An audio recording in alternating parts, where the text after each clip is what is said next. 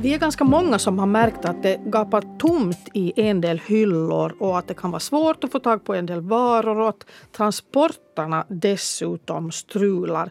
Och någonstans hörde jag någon säga att det kan faktiskt vara för sent att beställa julklappar på nätet, vissa slags produkter på nätet då, ifall man vill att de faktiskt ska komma fram till julafton.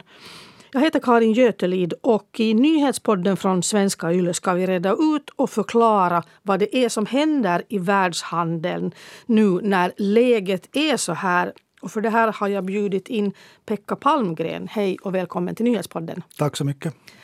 Du har ju en egen podd här på Svenska Yle i pengarnas värld där du pratar om ekonomi. Och jag lånar lite din expertis och, och kunskap. Så här gärna. Nu. Mm. Så gärna.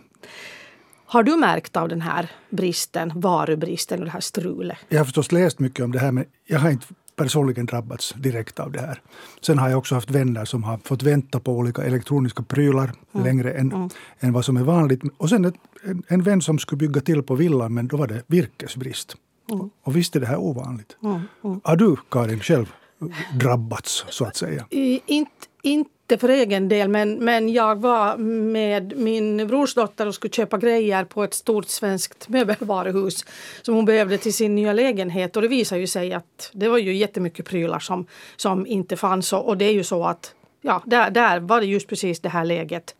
Ja, som jag sa, vi ska försöka förklara det här då. Och om vi börjar nysta då i det här, Pekka, så om vi börjar med det då att det råder brist på en del varor och råvaror i världen. Vad, vad handlar det här om? Dels är det helt enkelt så att det behövs mera råvaror för att tillverka vissa produkter så tar de slut. Det finns inte produktion tillräckligt mycket. Bland annat epoxyharts som behövs i vissa elektroniska grejer. Mm. Men sen handlar det mycket om också att fabriker stängdes ner i mars 2020 mm. när paniken slog till på grund av pandemin. Och det går lätt att stänga en fabrik men det är verkligen besvärligt att starta upp den på nytt. Så det handlar helt enkelt om ett glapp på det sättet. Mm. Och det som man ofta talar om när vi pratar om bristen på olika grejer så pratar vi om halvledare eller mikrochip. Vad, vad är det här?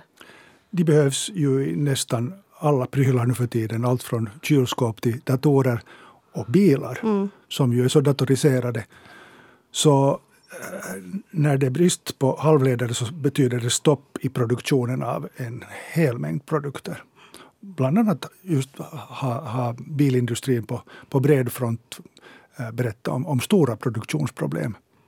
Och där är inte, handlar det inte alls om, om råvaran kisel utan mm. där handlar det om en ganska märklig obalans i produktionen där de allra flesta fabriker som tillverkar halvledare det är tydligen väldigt komplicerad mm. tillverkning, finns i Asien. Mm. Och när de i början av pandemin stängde ner så ledde det till en enorm obalans på, på marknaden. Och det finns inte helt enkelt halvledarproduktion på, på alla håll i världen. Men, men vad kan man göra åt det här? Bra fråga. Ja. Eh, jag tror att det här är ett problem som många tillverkare just nu, stora biltillverkare, funderar på. Och en lösning är antagligen att ta hem produktionen men jag vet inte hur, hur, hur enkelt det är eller om, om det ens är möjligt. Mm. Du nämnde coronapandemin här, så har den, den har då alltså också haft en konkret effekt just här? No, egentligen var effekten väl mer psykologisk. Det vill säga, ja. vi trodde väl alla i mars 2020 att nu, nu är det stopp på allting. Men det gick tvärtom. Mm. Vi började konsumera mera. Mm. Vi satt hemma, vi hade tid, vi hade också överloppspengar, den som hade, mm. när vi inte reste och gick på restaurang. Mm. Och vi köpte prylar mer än någonsin. Och faktiskt har konsumtionen i världen, i väst åtminstone, gått upp mer än 20 procent jämfört med vad den var före coronan. Så pandemin stoppade inte upp konsumtionen utan tvärtom ökade den. Och jag menar, själva ökningen av konsumtionen leder till brist på komponenter och på, på råvaror. Mm. Så fabriker stängdes ner, produktionen stoppades upp för man trodde att allt skulle ta slut eller att det blev stopp och så gick det precis tvärtom. Så var det. Och där är vi nu. Där är vi nu. Ja. Men sen då, bristen på varor, jo, och komponenter. Men sen till råga på allt, i det här jättekomplicerade sammanhanget nu när allt hänger ihop med allt så har vi dessutom någonting som kallas för en fraktkris eller transportkris i världen. Att själva liksom transporterna nu då också är problematiska. Tydligen har vi blivit tagna på säng också med eh, långtradarchaufförsbristen, alltså mm. bristen på långtradarchaufförer i hela världen. Eh, dels går de i pension, de gamla långtradarchaffisarna. Dels tycker unga att yrket inte alls är intressant och attraktivt, vilket jag i och för sig kan förstå. Det är ett tungt yrke, du får mm. sitta i den där bilen i, i flera dygn och vara borta hemifrån. Och det är väl inte speciellt bra betalt. Men det här är alltså ett problem som nu drabbar transporterna precis i hela världen och, och som förvärrar det här, mm. som du sa, mm. att vi har dels brist på varor, men dessutom de varor som finns når inte fram på grund av att det inte finns någon som transporterar dem. Jag läste någonstans att det nu i Europa skulle behövas 100 000 långtradarchaufförer till. Det är ganska mycket människor. Ja, jag, jag har fått fram sådana siffror som att Polen skulle behöva 120 000. Okay. Jag, jag, vet ja. inte var, varifrån alla de här siffrorna Nej. kommer. Eh, och det kan vara svårt att säga exakt men, men det berättar om vilken enorm brist det är. Mm. Och en helt privat fundering om du tillåter. Eh, jag har noterat att det här hör till de mest mansdominerade yrkena. Mm. Mm. Det finns knappt alls kvinnor, 3 eh, procent enligt något transportfackets rapporter.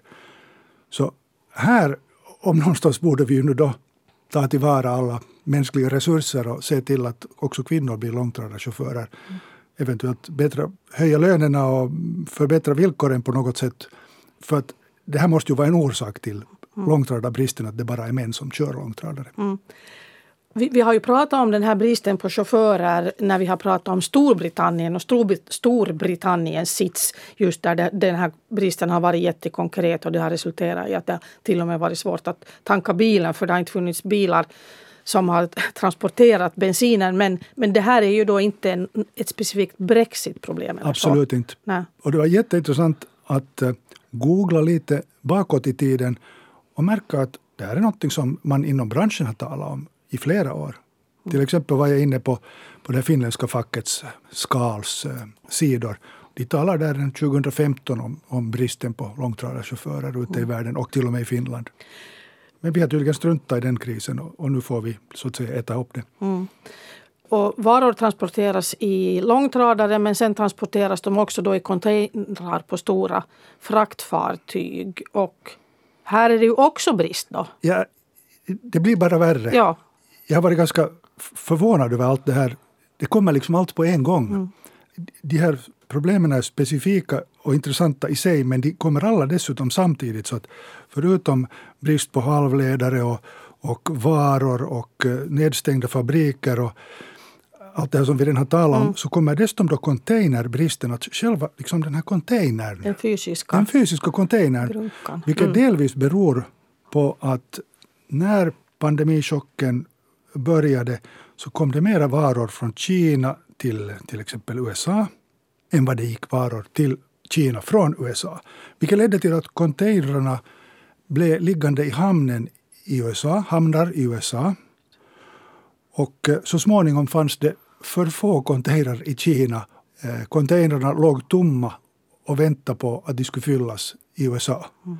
Bara en så enkel sak, men det är Eh, alldeles för dyrt för att frakta en tom container till Kina. Mm. Så därför väntar de på sin tur i USA. Mm.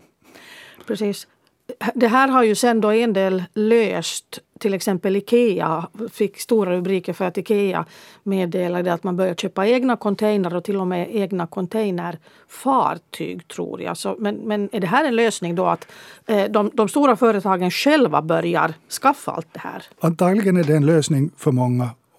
Men en svensk forskare som heter Fredrik Charpentier Ljungqvist skrev en mycket intressant och detaljerad artikel i Svenska Dagbladet om, om hela den här problematiken. Och han tog upp också en sån intressant detalj att våra hamnar är ju inte gjorda för alla de här stora containerfartygen och för hela den här gigantiska trafiken. Mm.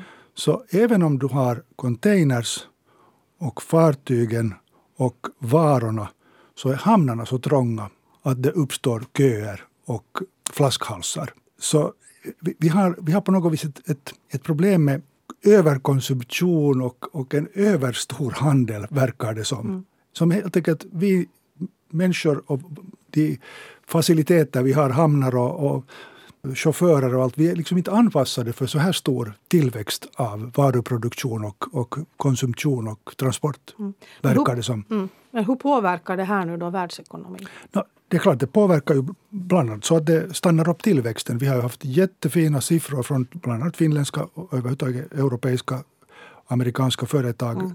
Enorm tillväxt, enorm lönsamhet. Men alla företag, så gott som alla företag som nu är beroende av containrar och, och transporter så, så är jätteoroliga just nu för, för allt det här som vi har pratat om här. Så att eh, dels handlar det om att, att inte helt enkelt få råvaror och, och komponenter och produkter. Och dels blir ju allt dyrare. Just det. För det är klart att, att alla trissar upp priserna också i den här situationen. Ja, jag tänkte just det att, att om ett företag blir tvunget att själv börja fixa med en massa enorma arrangemang som det ändå är så måste ju de kostnaderna landa någonstans och då landar det eventuellt på priserna kan man ju tänka sig. Mm. Så, så, måste det vara. Mm. En annan sak som jag funderar på i det här sammanhanget är det här så kallade lean-tänkandet. Det här med att stora företag i världen, jag tror det var Toyota som var först med det, var att skapa sådana här jätteslimmade, eh, jätteslimmad produktion där man då till exempel just minimerar liksom lagerutrymmen och så för att det ska bli så billigt som möjligt och så smidigt som möjligt. Men, men nu är det på något vis som det här liksom slår tillbaka mot eh, sig själv. Ja, absolut. Jag tycker, jag tycker vi har talat i åratal om, om, om det hur sådana här topptrimmade system blir sårbara.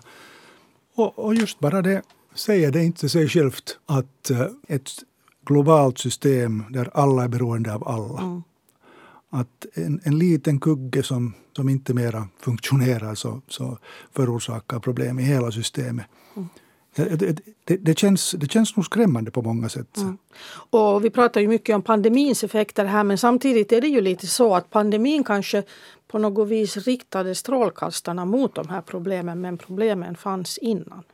Det är säkert så. Mm. Det är säkert mm. så. Men vad är lösningen då? Ja, det är en bra fråga. Mm.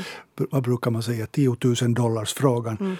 Men jag menar, en lösning är att ta hem produktionen kanske, kanske det går så småningom eh, tack vare... Och vad menar du med att ta hem produktionen? Ja, till exempel produktionen av, av datachip. Eh, men överhuvudtaget produktionen av prylar och varor som vi nu skeppar från Kina. Mm.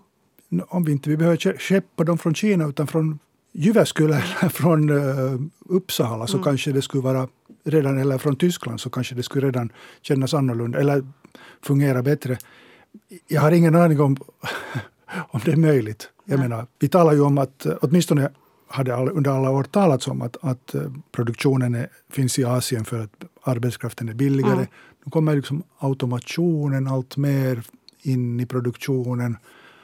Eh, men att ta hem produktionen är åtminstone en dellösning. Mm. Vi talar ju under den här krisen också att varför har vi inte vaccinproduktion mera i Finland, vilket mm. vi har haft. Mm. Kanske vi så småningom på grund av, tack vare alla dessa kriser, börjar tänka mera på säkerhetsfrågor på det här sättet. Mm. Men vad säger experterna om den här situationen? Är det så nu då att, att det är en sån här dystopi här nu eller, eller tänker man sig att det på något vis är mera tillfälligt? Jag tycker att de flesta, åtminstone ekonomiska analytiker ser det här som mera tillfälliga flaskhalsar. Mm. Men samtidigt, allt det här vi har diskuterat, så det känns nog inte som om, om man bara löser dem med med att knäppa i fingrarna och, och, och, hoppas på det bästa. Utan här finns liksom stora strukturella problem och, och många frågor. Det, det, är en jätteintressant fråga tycker jag. Tack för det här samtalet, Pekka Palmgren. Tack, det var kul att vara med. Mm. Och jag heter Karin Götelid och det här var Nyhetspodden.